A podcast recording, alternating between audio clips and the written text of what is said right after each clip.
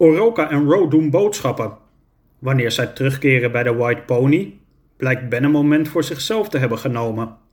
Op een paars matje doet hij verschillende lichaamsoefeningen.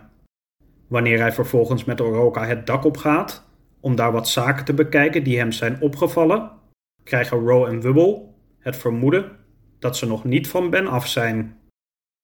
Hoofdstuk 50 Medewerker 603a Het vermoeden van Ro en Wubble bleek te kloppen. Ben maaide eerst het gazon aan de voorkant van het landhuis, een klus waar hij het hele weekend mee bezig was. Vervolgens ging hij maandagochtend met een schuurmachine en een grote gereedschapskist het dak op en begon hij met het opknappen van de daklijsten en dakgoten. Veel werk dat makkelijk een paar weken in beslag zou kunnen gaan nemen. Row en Wubble stribbelden eerst nog wat tegen, maar moesten na enkele dagen toch ook erkennen dat er maar weinig gevaar van Ben uitging.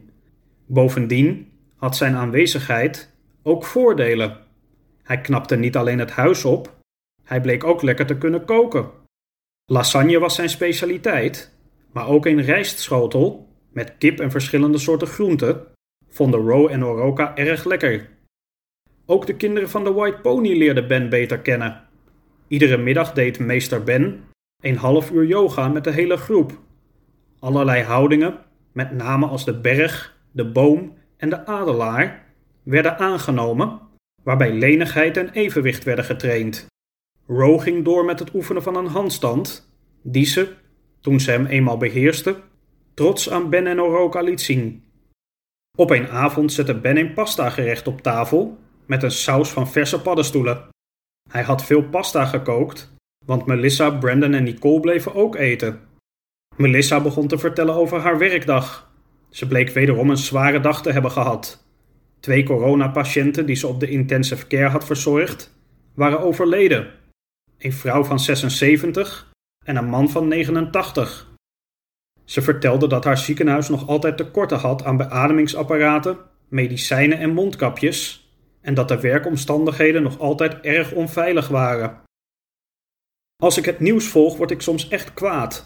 In Awesome City zijn deze week iedere avond verschillende gebouwen verlicht, als steunbetuiging aan hulpverleners zoals ik, die, zoals ze dat noemen, voorop gaan in de strijd tegen het coronavirus. En vanochtend vlogen vijf straaljagers informatie over verschillende ziekenhuizen, waaronder die waar ik werk, eveneens bedoeld als steunbetuiging. Sommige collega's vinden het mooi en staan er bij wijze van spreken met tranen in hun ogen naar te kijken. Maar weet je wat ik denk? Waar slaat het op? Schijnvertoningen vind ik het. Want wat denk je dat er gebeurt op het moment dat ik de wantoestanden die ik in het ziekenhuis meemaak uitspreek tegen journalisten? Of via een video op social media zet? Dan moet je niet raar opkijken als ik morgen mijn baan kwijt ben. Tekorten aan zorgpersoneel of niet? Want op slechte publiciteit zit Awesome City niet te wachten. En zeker de directie van het Awesome University Hospital niet. Leg mij maar eens uit wat ik dan aan die verlichte gebouwen en aan die straaljagers heb. Of aan de mooie woorden van onze burgemeester of onze president. Niets natuurlijk. Hier durf ik mij gelukkig wel uit te spreken. Dat lucht op. Hier mag iedereen altijd zeggen wat hij wil, Melissa. Dat weet ik, Oroka. Dank je. Ben begon wat onrustig op zijn stoel heen en weer te schuiven. Ik begrijp heel goed wat je bedoelt hoor. Ik, uh, ik kom ook uit Awesome City. Ja, je bent aan het rondreizen, toch? Ja, dat klopt, maar uh, dat is niet helemaal zonder reden. Wacht. Ben stond op, verliet de zaal en kwam even later terug met een telefoon. Ik wil jullie ook iets vertellen. Dit bericht ontving ik vorige maand op mijn mail. Het is van mijn werkgever, een telecommunicatiebedrijf. Het is gericht aan mij. Ik zal het voorlezen. Ben schraapte zijn keel. Beste medewerker 603a. Even een bericht om je, in deze zware tijden, te laten weten dat we regelmatig aan je denken. Een bericht om je een hart onder de riem te steken. Net als veel van je collega's werk je momenteel vanuit huis. Dat doe je hartstikke goed. Daar zijn we super trots op. Want deze tijd vraagt om doorzettingsvermogen en flexibiliteit, om nieuwe vormen van samenwerken en eendracht. Wij geven elkaar, ook op afstand, de energie om door te gaan en niet bij de pakken neer te gaan zitten. Integendeel, er worden tandjes bijgestoken, want we weten allemaal, we moeten hier doorheen. En we gaan hier doorheen. Samen tegen corona. Om deze gedachte van saamhorigheid kracht bij te zetten, hebben wij een steunfonds opgericht, waarbij wij geld inzamelen voor sape en hand sanitizers, voor het groeiend aantal dak- en thuislozen in onze geliefde stad. Wil jij een bijdrage leveren aan dit prachtige initiatief? Doneren kan via de website schonehandenvoordearmen.com. Jij werkt nu vier jaar bij ons en in die vier jaar hebben we samen veel meegemaakt. Diamond Telecom Solutions is gegroeid als bedrijf. Jij bent gegroeid als medewerker en als mens. Wij zien dat jij nu toe bent aan een volgende stap, aan een nieuwe uitdaging. Wij zien ook dat wij jou die uitdaging niet kunnen bieden. Het is daarom dat wij hebben besloten dat onze wegen gaan scheiden. Dit houdt in dat hierbij een einde is gekomen aan jouw werkzaamheden voor ons, waarbij wij wel willen opmerken dat het door jou verrichte werk natuurlijk altijd zichtbaar zal blijven in het DNA van ons bedrijf. Wij wensen je heel veel succes bij het zien en oppakken van nieuwe kansen. Voor ons blijf je altijd een kanjer. PS.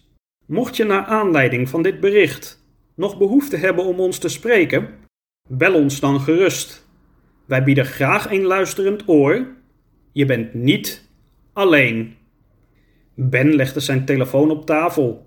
Wat een afgrijzelijk bericht, riep Melissa. Ja, zo doen ze dat. Heb je ze nog opgebeld? vroeg Oroka. Ja, om te vragen of ze de opbrengsten van hun inzamelactie op mijn rekening konden storten, zodat ik in ieder geval nog even mijn huur zou kunnen betalen. Ze gingen er serieus op in. Het bleek niet mogelijk. Omdat ik mij in de zeven jaar dat ik voor dat bedrijf heb gewerkt, zeven jaar, niet vier, nooit heb ziek gemeld, zou ik wel nog een afscheidscadeau krijgen. Weet je waar de bezorger de volgende dag mee aan mijn deur stond? Een doos pepermunt. Echt waar. Een doos vol met pepermunt. Genoeg om de rest van je leven verzekerd te zijn van een frisse adem. Dat verzin je toch niet? Ik was zo boos dat ik meteen met die doos naar het hoofdkantoor ben gelopen om al die honderden of duizenden of honderdduizenden pepermuntjes door de strot van de directeur te duwen. En als hij er niet zou zijn, zou ik zijn huisadres wel weten te achterhalen. Maar ja, toen kwam ik. Ik was al best een eindje onderweg. Toevallig mijn buurvrouw met haar twee zoontjes tegen. Ik weet dat die vrouw het ook niet makkelijk heeft. En die twee kinderen natuurlijk vragen: Wat zit er in die doos, Ben? Nou ja, en dan denk je: Ik kan nu doorlopen, of ik kan die twee hier een plezier doen. Ja, zo moeilijk kiezen is dat dan ook weer niet. Ik heb slecht nieuws voor je, Ben, zei Oroka, na een moment waarop iedereen stil aan tafel had gezeten. En dat is: We hebben ijs toe. Ijs? Nou, dat vind ik geen slecht nieuws hoor. Toch wel? Waarom? Het is ijs met pepermuntsmaak. Echt waar? Nee, ik maak een grapje. Daarop begon Ben bulderend te lachen. En iedereen lachte mee.